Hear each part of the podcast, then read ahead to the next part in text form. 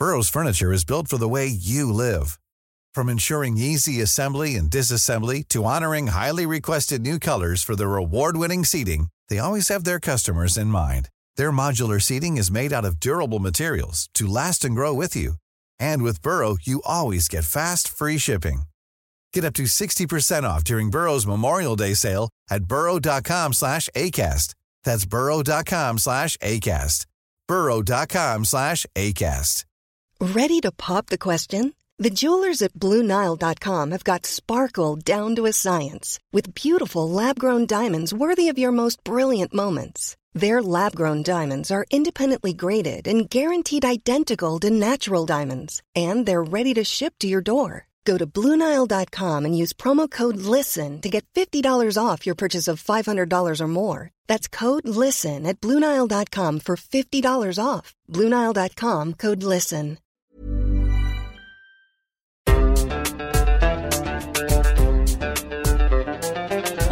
بودكاست صوت.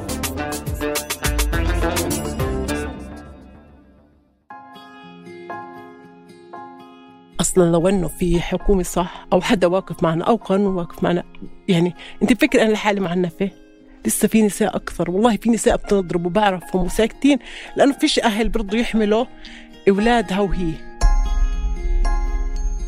بعدها قالوا جيران على الصراخ هو زت بالشارع اجى حتى ابن جيراننا ساعتها تدخل حكى الله أكبر. في حد بيعمل في اولاده هيك؟ يمكن في بدايات فكرتنا كانت القانون إنه إحنا بدنا قانون زجري قانون يوقف المعتدي قانون كذا بدنا نحبسه عقوبات مشددة عقوبات. لا بس إحنا اليوم عمالنا نحكي عن جانب الوقاية والحماية اللي أعطيناهم الأهمية أكثر بكثير من جانب العقوبات لأنه أنا بالنهاية أنا الهدف عندي إني أنا أحمي هاي الأسرة.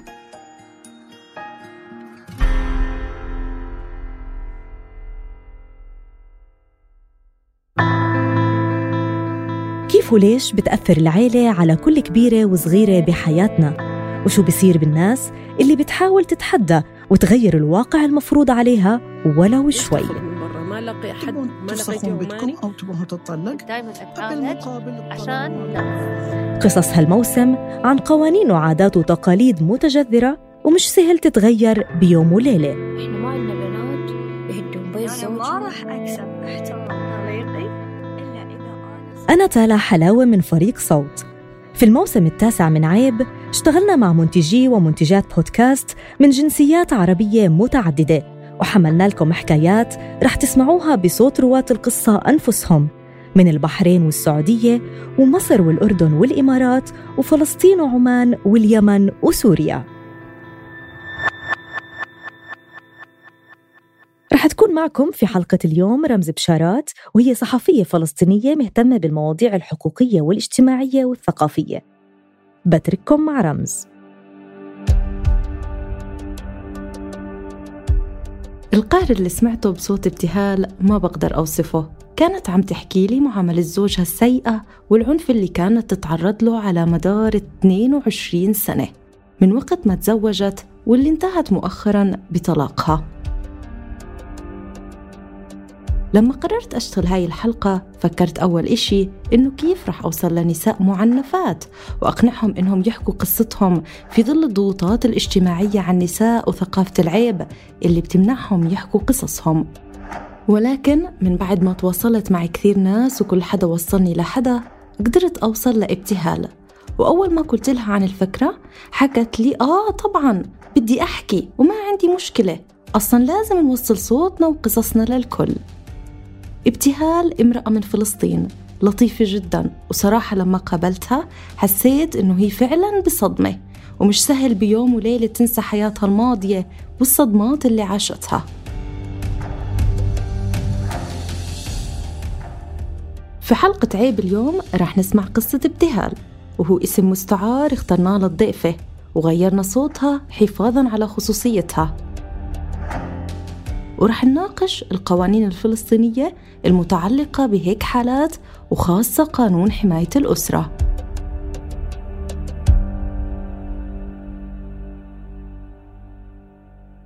إيه، جوزي من أول ما تجوزت يعني فيش يعني دوب شهرين ثلاثة وبعدها بلشت يعني كان يعني أي إشي يصرخ علي فيه. إيه، بعدها يعني صار يعني شوي شوي يزيد. كم عندك أولاد؟ عندي ثلاث أولاد وثلاث بنات.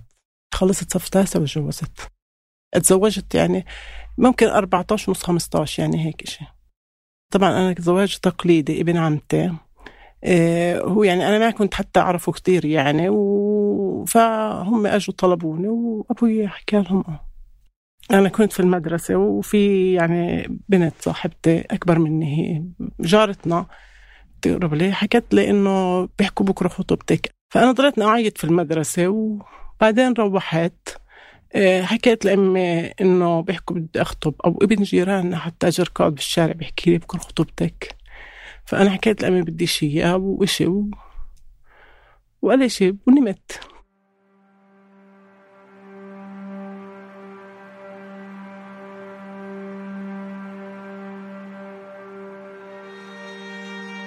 اللي صار مع ابتهال بيشبه كثير قصص من البنات الفلسطينيات والعربيات اللي بيفرضوا أهلهم عليهم الزواج بسن صغير من شخص من العيلة أو خارجها.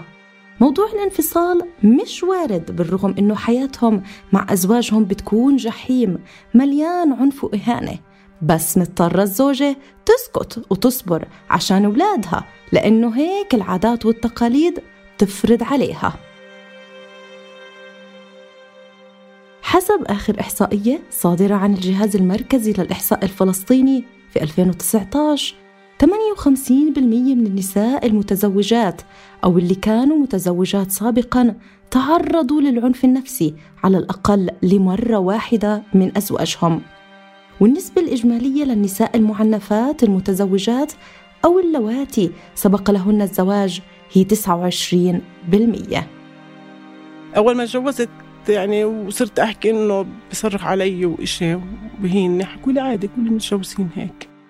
كان هو عصبي يعني كان يصرخ كان مشاكل هو أهله يعني كثير يعني بس أنا ما كنت مدركة إنه الحياة هيك. أول مرة يعني افترضنا أنا كنت حامل بجوز بالشهر السادس. إيه حكى صرت روح عند أهلك. أنا رحت عند أهلي يعني وصرت أعيط كانت امي ما كانش أبوي موجود. أجت حماتي اللي هي عمتي. حكت لي عادي كل الإسلام بيحكوا هيك. ما هي عمك دائما يحكي لي هيك يعني مش كل واحد بده يحكي لها جوزها نصرف برا بدها تروح تطلع برا. مجتمعاتنا العربية المحافظة علمتنا نتجاهل المشاكل العائلية تحت ستار البيوت أسرار والوصمة الاجتماعية اللي بتلحق المرأة المطلقة. وبهيك تعودنا نراكم مشاكل فوق مشاكل. وما تعودنا نلاقي حل من البداية. وإنه نعترف قدام حالنا وقدام المجتمع إنه هدول الشخصين صعب يكملوا مع بعض. عدا عن إنه العيلة بتجبر المرأة ترجع لبيت الزوجية مهما كانت الظروف صعبة. كنا عايشين بأزمة أو بإشي يعني مش سنة ولا سنتين إحنا نتعرض للعنف. فكلياتنا كنا أصلا عايشين يعني أنا حتى بتذكر إنه كنت أيام يعني عنف اولادي أو أصرخ عليهم. يعني ما أعرفش إيش أعمل. وأرجع بساعتها أحكي لهم سامحوني أنا بس لأني مضغوطة. إيه بعدها أنا صرت أحكي لازم أستأجر وابعد حتى عن جوزي يعني أنا كنت أخاف منه. إيه لأنه كثير كان يهددنا إنه بده يقتلني ويحرقني. آخر مشاكلنا أنا بتذكر إنه في ابني الصغير يعني من كثر ما ضربه يعني أنا فوتته على الغرفة جوا إجت كسر الباب. وأنا حكيت له ما فيش ولك في ابني. إيه اضربني أنا. هو طبعا كان يحاول يضربني بس أنا اولادي كانوا يعني أنا بتذكر بنتي الكبيرة أول مرة اجى يضربني فصارت تصرخ تصرخ واغمى عليها. بس تركها ولا عمل إشي. بعدها هي كانت تضلها تدافع عني. بعدها صار زي إنه بس يصير مشاكل ضلت يعني ترجف إشي ما تحكيش ولا إشي. إيه بعدها إيه ابن الثاني يعني كان يعيط ما يحكيش إشي. بعدها هدول الصغار أكثر إشي يعني. بدك مرتاح شوي؟ شوي. هو أنا بتوتر. طيب مش مشكلة. شوي شوي اشربي مي. بس هيك حدا يجيب لي هاي السيرة عن جد. بدوخ آه. بتوتر. عشان هيك أنا ما بحب أحكي عن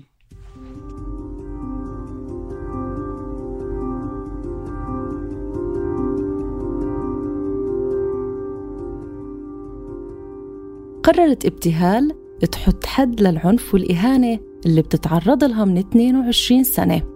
وتروح تستأجر بيت وتعتمد على حالها بشكل كامل لأنها اعتبرت إن أولادها كبروا أول أربعة صاروا أول العشرينات بيقدروا يشتغلوا عشان يساعدوها بمصروف البيت. بعدين أنا صرت أحكي بدي أشتغل حاولت عملت يعني أشياء للمطاعم إشي فما زبطش فصرت أروح أحكي أشتغل في بيوت يعني وحتى أول ما اشتغلت كانت صعبة علي. ويعني أنا تواصلت مع مطعم هو اللي جاب لي الشغل. فحكيت له إنه مش أي ناس برضو أنا يعني بدي أفوت عليهم. بديش أنا حدا يحكي علي يعني مجتمعنا ما برحمش أصلا.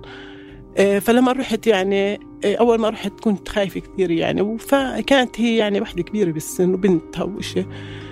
بتذكر إنه جو كناينها وإشي سألوني. متجوز إيش حكيت لهم لا أنا صرت أعيط حكيت لهم إنه جوزي ميت إيه برضو أنا يعني خلص حكيت إنه لما أحكي أرملة أفضل ما أحكي إنه أنا بدي أطلق ليش؟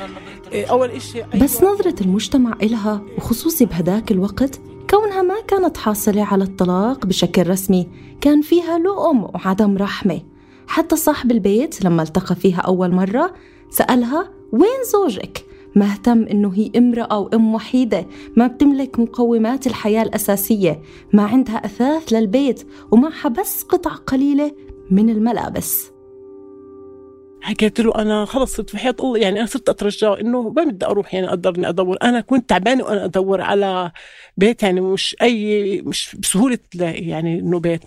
فاجى حكى لي معك شهر. إيه، فأنا أول ليلة نمنا على يعني كان في أواعي حطيناهم نمنا أنا والولاد عليهم. آه، أنا سكنت لحالي بعد ما ضليتنا عند أهلي أنا والولاد أكثر من شهر. إيه، إحنا كتار سبعة. وبعدين يعني صرت يعني أحس إنه أنا لازم أكون في بيت لحالي، اولادي هم أصلا ما بدهم يضلوا هم عند دار سيدهم، فأنا صرت أحس إني أنا تكل على أهلي. يعني أبوي وأمي كبار في السن، وبعدين إنه الكل بيتدخل في الأولاد في تربيتهم بأي شيء وإحنا كنا طالعين يعني الأولاد لسه كماتهم يعني حتى إحنا نحكي مع بعض كأنه صراخ. يعني أهلي مثلا يصيروا يحكوا إنه شايفة نفس أبوهم. يعني هيك كانت تحكي لي أمي. فأنا كنت أحكي لها اصبروا علينا يعني بدنا فترة إحنا برضه إحنا عايشين في كنا عايشين بأزمة أو بإشي يعني مش سنة ولا سنتين. بتذكر كمان وهي ابتهال بتقول لي كيف كانت ردة فعل أهلها والمجتمع لما طلبت الطلاق من زوجها؟ كانوا يكرروا عليها السؤال ليش تذكرتي هلأ؟ ليش ما تطلقتي أول ما تزوجتي؟ هلأ عندك أولاد بدك تربيهم مع إنه أول زواجها لما كانت تترك البيت كانوا يرجعوها ويحكوا لها بكرة بس يصير عندك أولاد بتخف المشأكل المجتمع كلهم يتدخلوا فيه فيش ولا حدا يعني للأمانة يعني فيش ولا حدا ما كان يتدخل فيه إنه ارجعي إيه خلص يعني إيه أهم شيء واحد يكون عندها حدا سند إلها وجوزها وبكرة بناتك بدهم يتجوزوا وبكرة الكل بيتحكم فيهم. وانت بدك تضلك إيه لأولادك يكبروا ويضلهم يصرف عليك ليش هم أولادك بدهم مش يشوفوا حياتهم؟ يعني هذا أكثر شيء كان إيه أواجهه. إنه حكيت لهم أنا بشتغل يعني وأنا بعين أولادي مش بس يعني أولادي. حتى لما ابتهال توجهت أول مرة لمؤسسة نسوية كانت خايفة من إنهم ياخذوا اولادها وكانوا أهلها يحكوا لها شو بدك فيهم؟ ما رح يساعدوكي. وحكت لي لما راحت عندهم أول مرة حكوا لها إحنا ما بنفضل الطلاق خلينا نحاول نحل المشكلة. وعدوها إنهم يرجعوا لها ولكن ما رجعوا تواصلوا معها ولا هي حاولت تتواصل معهم. بس حاولت تحكي مع مؤسسة ثانية وكان مطلبها الوحيد إنه يلاقوا لها شغل. أنا حكيت لهم بدي أشتغل. ما هي المشكلة النفسية؟ صارت تحكي لي إنه في شغل هون في شغل مش عارف إيه. بس يعني إنه برضه الشغل يعني مش أي شغل يعني أنا برضه بديش اضلني غايب عن أولادي.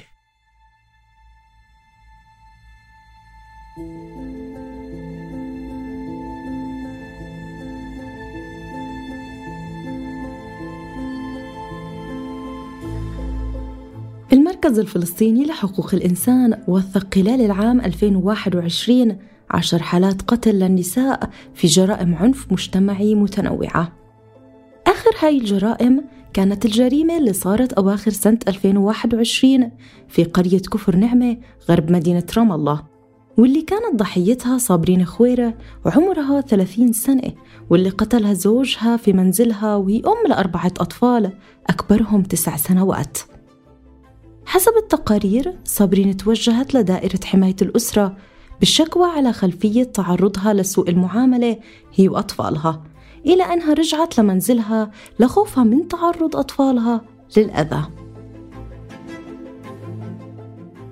ولكن هون مهم التنويه أنه العنف لا يقتصر على العنف الجسدي. تم تعريف العنف الأسري على أنه هو العنف الموجه ضد النساء بجميع أشكاله الجسدي والنفسي والجنسي واللفظي والحرمان الاجتماعي والاقتصادي والإكراه والتهديد. أصلا لو أنه في حكومة صح أو حدا واقف معنا أو قانون واقف معنا يعني أنت بفكر أنا لحالي معنفه لسه في نساء أكثر والله في نساء بتضرب وبعرفهم وساكتين لأنه فيش أهل برضو يحملوا أولادها وهي. لأنه إحنا أصلا مجتمع آه، أول شيء ظالم.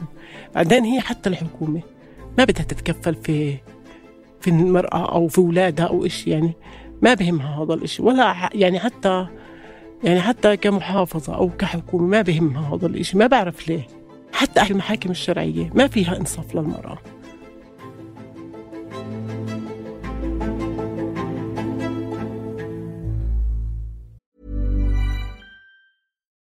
Life is full of what ifs. Some awesome, like what if AI could fold your laundry? And some, well, less awesome, like what if you have unexpected medical costs? United Healthcare can help get you covered with Health Protector Guard fixed indemnity insurance plans. They supplement your primary plan to help you manage out of pocket costs. No deductibles, no enrollment periods, and especially no more what ifs. Visit uh1.com to find the Health Protector Guard plan for you. There's never been a faster or easier way to start your weight loss journey than with PlushCare. PlushCare accepts most insurance plans and gives you online access to board-certified physicians who can prescribe FDA-approved weight loss medications like Wigovi and Zepbound for those who qualify. Take charge of your health and speak with a board-certified physician about a weight loss plan that's right for you. Get started today at plushcare.com slash weight loss. That's plushcare.com slash weight loss. plushcare.com slash weight loss. هون بيخطر لنا سؤال مهم جاوبتنا عليه ضيفتنا الثانية الأستاذة المحامية روان عبيد مسؤولة الضغط والمناصرة لحقوق الإنسان في مركز المرأة للإرشاد القانوني والاجتماعي والسؤال هو ليش إحنا بحاجة لإقرار قانون حماية الأسرة؟ وليش النساء بتسكت وما بتحكي عن العنف اللي بتتعرض له؟ هذا القانون اللي بالرغم من ضغط المؤسسات النسوية والمجتمع المدني على ضرورة إقراره من سنة 2004 ولكن إلى تاريخ إنتاج هذه الحلقة لم يتم إقراره فليش هو مهم؟ لمجموعة من المبررات الاجتماعية والقانونية اللي اللي اللي دفعتنا لأنه إحنا نوجد قوانين مثل هاي القوانين، إذا بدنا شوي نحكي عن المبررات الاجتماعية، آه ليش النساء ما بتلجأ؟ الثقافة الاجتماعية، آه، الثقافة الاجتماعية والسلوكيات بالتعامل مع قضايا خاصة مثل قضايا العنف الأسري إنه يعني أو كمان حتى ممكن كيف الصبية اللي ممكن إنها تشتكي كيف توصم بالمجتمع إنه إنه شكت على أبوها شكت على أخوها. وكذا آه، تنين آه، آه، ثقافة الصمت اللي يمكن تربى عليه النساء من صغرهم إنه أوكي يعني ممكن تعرض للعنف ما ما, ما في ما بنقدر نروح نحكي عن هذا العنف اللي تعرضنا له. ثلاثة واللي إحنا بنعتبرها لإنها من أخطر قضايا والأمور اللي هي اعتبار قضايا العنف الأسري من القضايا التي تقع ضمن الحيز الخاص ضمن هاي الأسرة الخاصة ضمن هاي السور جوا هاي العائلة ممنوع حدا يتدخل. ومثل ما سمعتوا في بداية الحلقة ابتهال حكت إنه طول الوقت لما كان صوت صراخهم يطلع ما كان حدا يتدخل من الجيران. فهل عدم تدخل الناس جاي فقط من دوافع اجتماعية؟ ولا في أسباب قانونية تانية كمان بتمنع الأشخاص من محاولة إيقاف العنف؟ الحالات اللي دافعت انرفع عليها قضايا اللي هي انتهاك حرمة منزل في بعض الشباب قال لك إحنا عاداتنا وتقاليدنا ما بتسمح لي إني أنا أدخل على بيت وخصوصيات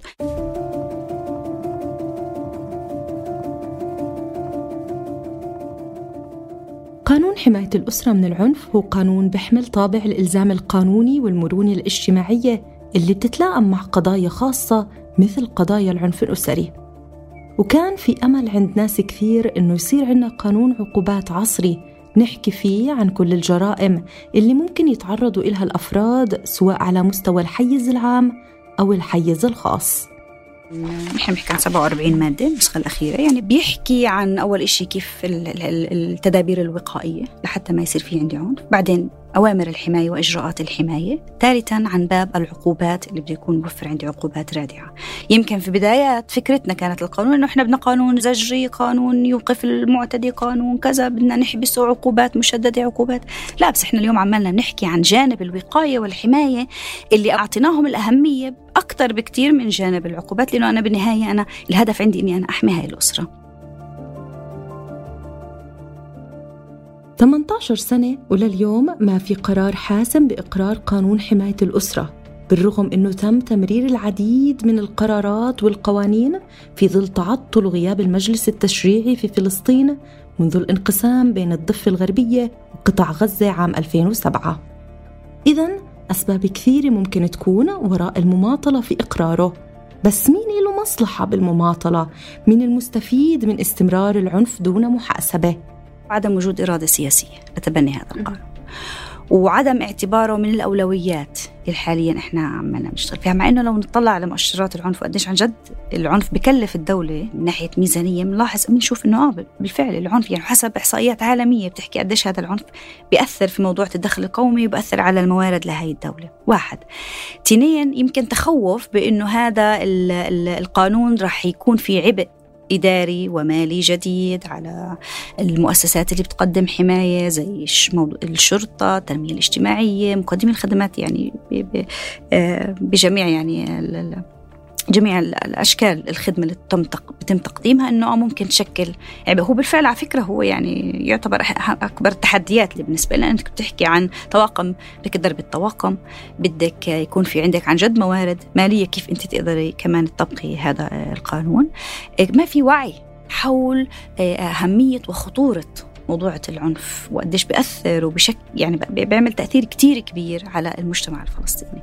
وهذا يعني يمكن مؤسسات المجتمع المدني لحالها ما بتقدر تقوم به يعني إحنا من من بداية تشكيل هاي المؤسسات وإحنا بنشتغل على وعي وعي وعي وتوعية ومع طلاب الجامعات مع طلاب المدارس مع السياسيين مع الحزب السياسية. ولكن إحنا لحالنا قديش رح يكون عددنا بمقابل إنه لما يكون في عندي توجه رسمي من الدولة إنه يكون في عندي برامج ل رفع الوعي حول مخاطر العنف ومدى تأثيره على المجتمع الفلسطيني.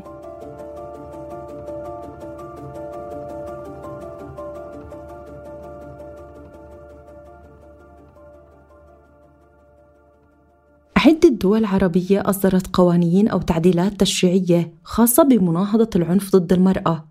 يتراوح هذا بين إصدار قانون منفصل متكامل وبين إدخال تعديلات أساسية على قانون العقوبات. فمثلا القانون التونسي بيحكي عن دور وزارة الإعلام ووزارة الداخلية في الحد من العنف ضد المرأة في الحيز العام أو الخاص. بالمقابل بفلسطين مئات المحامين أطلقوا في العام 2020 حراك ضد قانون حماية الأسرة ووقعوا على عريضة قدموها للرئيس ورئاسة الوزراء ضد الاتفاقيات الدولية اللي وصفوها إنها بتفرض النموذج الغربي على الأسرة الفلسطينية وادعوا إنه هاي الاتفاقيات بتخلق حالة من الانفلات الاجتماعي الأخلاقي ليش ممكن العاملين في القانون يكونوا جزء من حراك مضاد لقانون حماية الأسرة؟ سألنا روان هذا السؤال. هو لعبة سياسية للأسف أنه تم استخدامها مؤخرا من أجل الاستقطاب بمقابل الشيطنة بمقابل أنه هذا القانون سيدمر الأسرة هذا القانون رح يأثر على المجتمع الفلسطيني بمقابل استقطاب أصوات من المؤيدين لهذه الأحزاب أحزاب معينة يعني بالمجتمع الفلسطيني. هي يمكن كانت أكثر المعركة ما بين أحزاب سياسية أكثر من ما إنه للأسف دائما الأسرة أو المرأة أو الفئات الأقل حظا في المجتمع هي اللي بتدفع الثمن. كمان معارضين لمشروع القانون زي الأحزاب الدينية خاصة حزب التحرير ورجال العشائر بيشوفوا أن القانون بيتدخل في أدق تفاصيل الحياة الأسرية. مثل علاقة الأبوين بأبنائهم وأساليب التربية وبالتالي برأيهم القانون بعزز القيم الفردية الغربية الرأسمالية في مواجهة القيم الأسرية الإسلامية والمجتمعية. وبلغ بين قوسين أي سلطة تأديبية أو اعتبارية أو دينية للوالدين على أولادهم. والناقدين للقانون بيحكوا إنه مشروع القانون بتجاهل ثقافة المجتمع القائمة على السلطة التربوية للأبوين والقوامة الشرعية للأب. جميع هاي الأمور اللي حكينا عنها تتم بمباركة من نصوص تشريعية أصلا قديمة بالية لا تلبي احتياجاتنا حاليا كمجتمع بال 2022 آه، في نصوص وفي في في في قلب هاي القانون بنلاحظ كمان إنه في مواد ممكن إنها تشجع كمان. يعني مثلا الماده 62 بقانون العقوبات الفلسطيني المطبق عندنا اللي بيحكي من الأفعال التي يجيزها القانون يجيزها. ضرب الآباء لأبنائهم كدرب من دروب التأديب. أنت هون أعطيتي إشارة. الركن المادي للجريمة توفرت إنه أنا كان والله قصد الجرم إني أنا ادبها يا عمي. أنا ما بعرفش إنه كان ممكن إنه يصير هذا الضرر إنه ممكن يؤدي لإيذاء بليغ ممكن إنه يؤدي له ولكن لأنه إحنا بناخذ بالقصد الجرمي. فكان بما إنه القانون أعطاني هذا المبرر فأنا بقدر إني أنا أتصرف فيه. اذا بالحديث عن الأطفال والقاصرين سألنا روان عن القوانين والإجراءات الإشكالية اللي بتخلي وصول هاي القضايا للجهات المسؤولة صعب ومعقد. إحنا هون بنحكي كمان عن الأبناء اللي يمكن يكون تحت سن ال 18 سنة اللي آه، بهاي الحالة إحنا بنحكي إنه تعارضت مصلحته مع مصلحة من يمثله لأنه إذا كان تحت سن القانوني آه، فبيكون الولي أو الوصي أو القيم عليه هو من يمثله في حال إنه تعرض للعنف. طيب هاي الإجراء مثلا هاي المادة بقانون الإجراءات الجزائية الفلسطينية اللي حاليا مطبق في فلسطين. فقرة اثنين من نفس المادة إنه إذا تعارضت مصلحة آه، المعتدى عليه مع مصلحة من يمثله اللي هو الولي أو الوصي أو القيم النيابة العامة بتقوم مقام هذا الولي أو الوصي أو القيم إنها هي ترفع الدعوة وهي اللي تقدم الحماية لهدول الأطفال. بس النيابة العامة شو؟ لما نحكي عن أبواب مغلقة لما نحكي عن حيز خاص لما نحكي عن النيابة العامة كمان كيف ممكن إنها تعرف عن هاي الحالات؟ واحد. اثنين المرشد الاجتماعي بالمدرسة لا يحمل صفة الضبط القضائي حاليا عندنا. إنه في كثير من الحالات ممكن إنه المرشد يكون متأكد إنه هذا الطفل بتعرض للعنف. آه بس ما بيقدر. يعني بدول تانية أو ممكن إنه يحرموه الأب والأم من وصاية هذا الولد. إنه إذا تعرض للعنف أو إذا هيك. إحنا فقط دور المرشد هو بس في التبليغ. لا يحق له إنه لا يحمل صفة الضبط القضائي ولا يحق له إنه يرفع شكوى أو يقدم شكوى في حق هذا المعتدي. وعشان هيك يعني في كثير من الحالات من المرشدين نفسهم حكوا إنه إحنا مقيدين.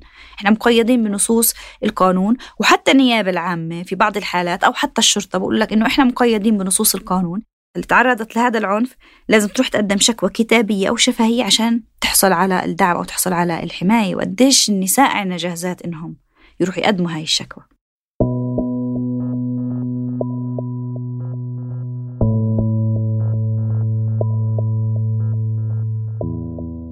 قصور القوانين السارية عن حماية حقوق النساء وعدم الوضوح في ضمانات تنفيذ القوانين القائمة والرقابة عليها. طبعا كل هذا بشكل عوامل بتشجع بممارسة كل أشكال العنف ضد النساء. روان شرحت لنا كيف قانون حماية الأسرة ممكن يحد من العنف. مجرد وجود قانون فهذا بده يخلق بيئة وبده يخلق آه وعي. إنه في عندي أنا آه قانون بيحمي النساء أو الأطفال أو سائر أفراد الأسرة من العنف حتى في إحدى المقابلات مع مقدمي الخدمات صاروا يحكوا أنا نفسي كمقدم خدمة كانت شرطية بتحكي إني أنا رح أشعر بالأمان لأنه في قانون يحميني ويحميها. ومرشدين اجتماعيين نفس الشيء. لما لما لما قعدنا معهم حكوا إحنا نفسنا رح نشعر بالأمان ونقدم الخدمة بطريقة أفضل للمعنفين في المجتمع رح يخلق وجود تعريفات لممارسات بتصير إنه آه هذا عنف. يعني مثلا زي ما أنا حكيت. والمهم الإشارة له كمان إنه قانون حماية الأسرة مش بس رح يحمي النساء.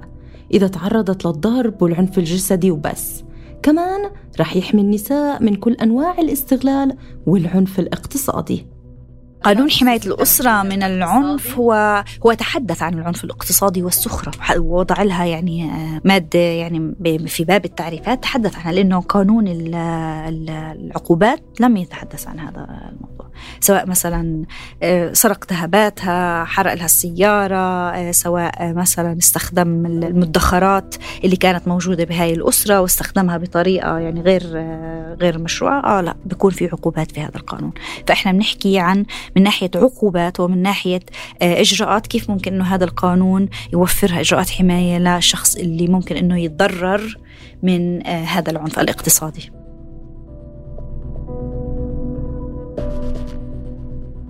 إصدار قانون فلسطيني لتنظيم العلاقة داخل الأسرة بنسجم مع القانون الأساسي الفلسطيني ومع موجبات انضمام فلسطين لاتفاقية سيداو من دون تحفظات. وسيداو هي اتفاقية دولية للقضاء على جميع أشكال التمييز ضد المرأة. اعتمدتها الجمعية العامة للأمم المتحدة في عام 1979 على إنها مشروع قانون دولي لحقوق المرأة. وبتتكون من مقدمة و30 مادة وضعت لتحديد ما يشكل تمييزا ضد المرأة. وقع عليها الرئيس الفلسطيني محمود عباس عام 2014 وطالب بإجراء التعديلات لتراعي وتنسجم مع الاتفاقية ولكن لم يحصل سوى تعديل رفع سن الزواج إلى 18 سنة.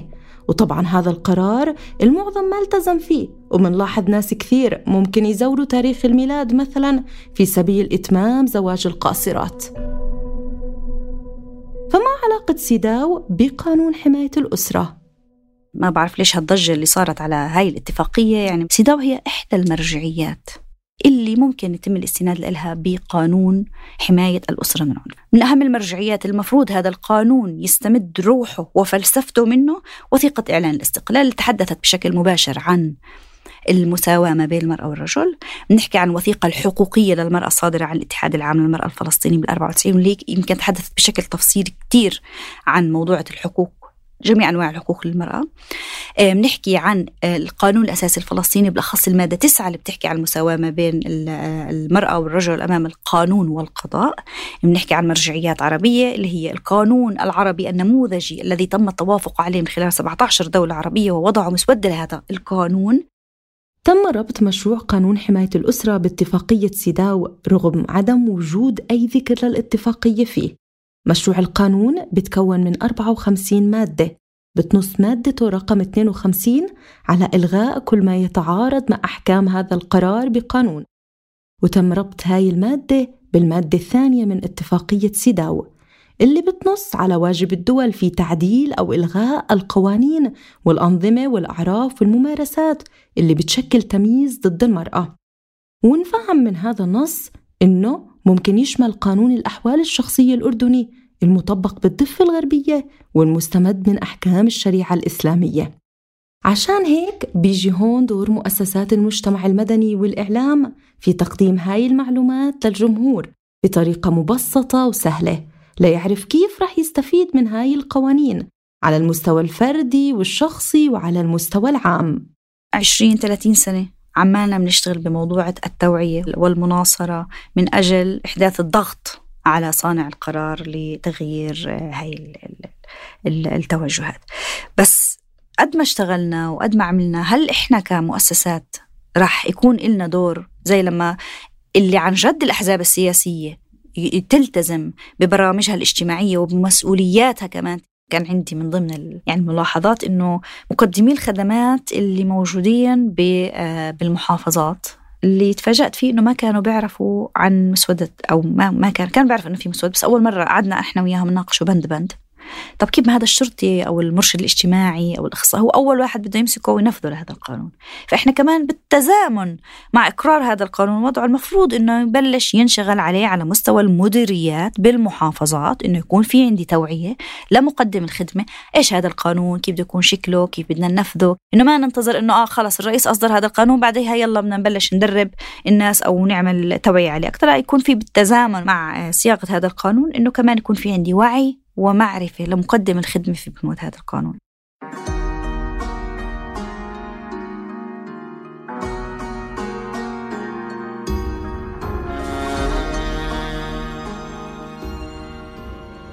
إقرار قانون حماية الأسرة رح يكون بمثابة خطوة كبيرة بالنسبة للفلسطينيين النساء والأطفال بشكل خاص لأنه رح يعزز حماية المرأة والعائلة ويمكنها من الوصول للمراكز والجهات اللي رح تقدم لها المساعدة المطلوبة. القانون بيعمل على إرساء ثقافة إنه في عندي قانون في عندي إجراءات بتقدم حماية لضحايا العنف وكمان رح يكون في إجراءات جديدة تتعامل مع قضايا خاصة مثل قضايا العنف الأسري. وبوجود القوانين اللي بتحمي الأفراد وبتضمن العدالة النساء والأطفال بتوفر لهم الأمان. اللي ابتهال وغيرها آلاف النساء محرومين منه. العدالة اللي بتشوفنا كلنا مواطنين ومواطنات سواسية أمام القانون. مهما كانت الأعراف أو التقاليد سواء كنا رجال أو نساء.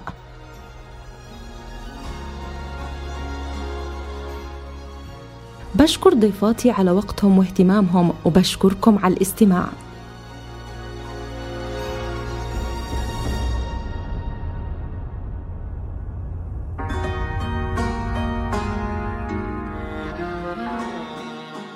كنت معكم من الكتابة والتقديم رمز بشارات ومن التحرير تالا حلاوة ومن هندسة الصوت محمود أبو ندى. لا تنسوا تشتركوا في قناة عيب على تطبيقات البودكاست حتى توصلكم تنبيهات الحلقات الجديدة. بودكاست عيب من إنتاج صوت.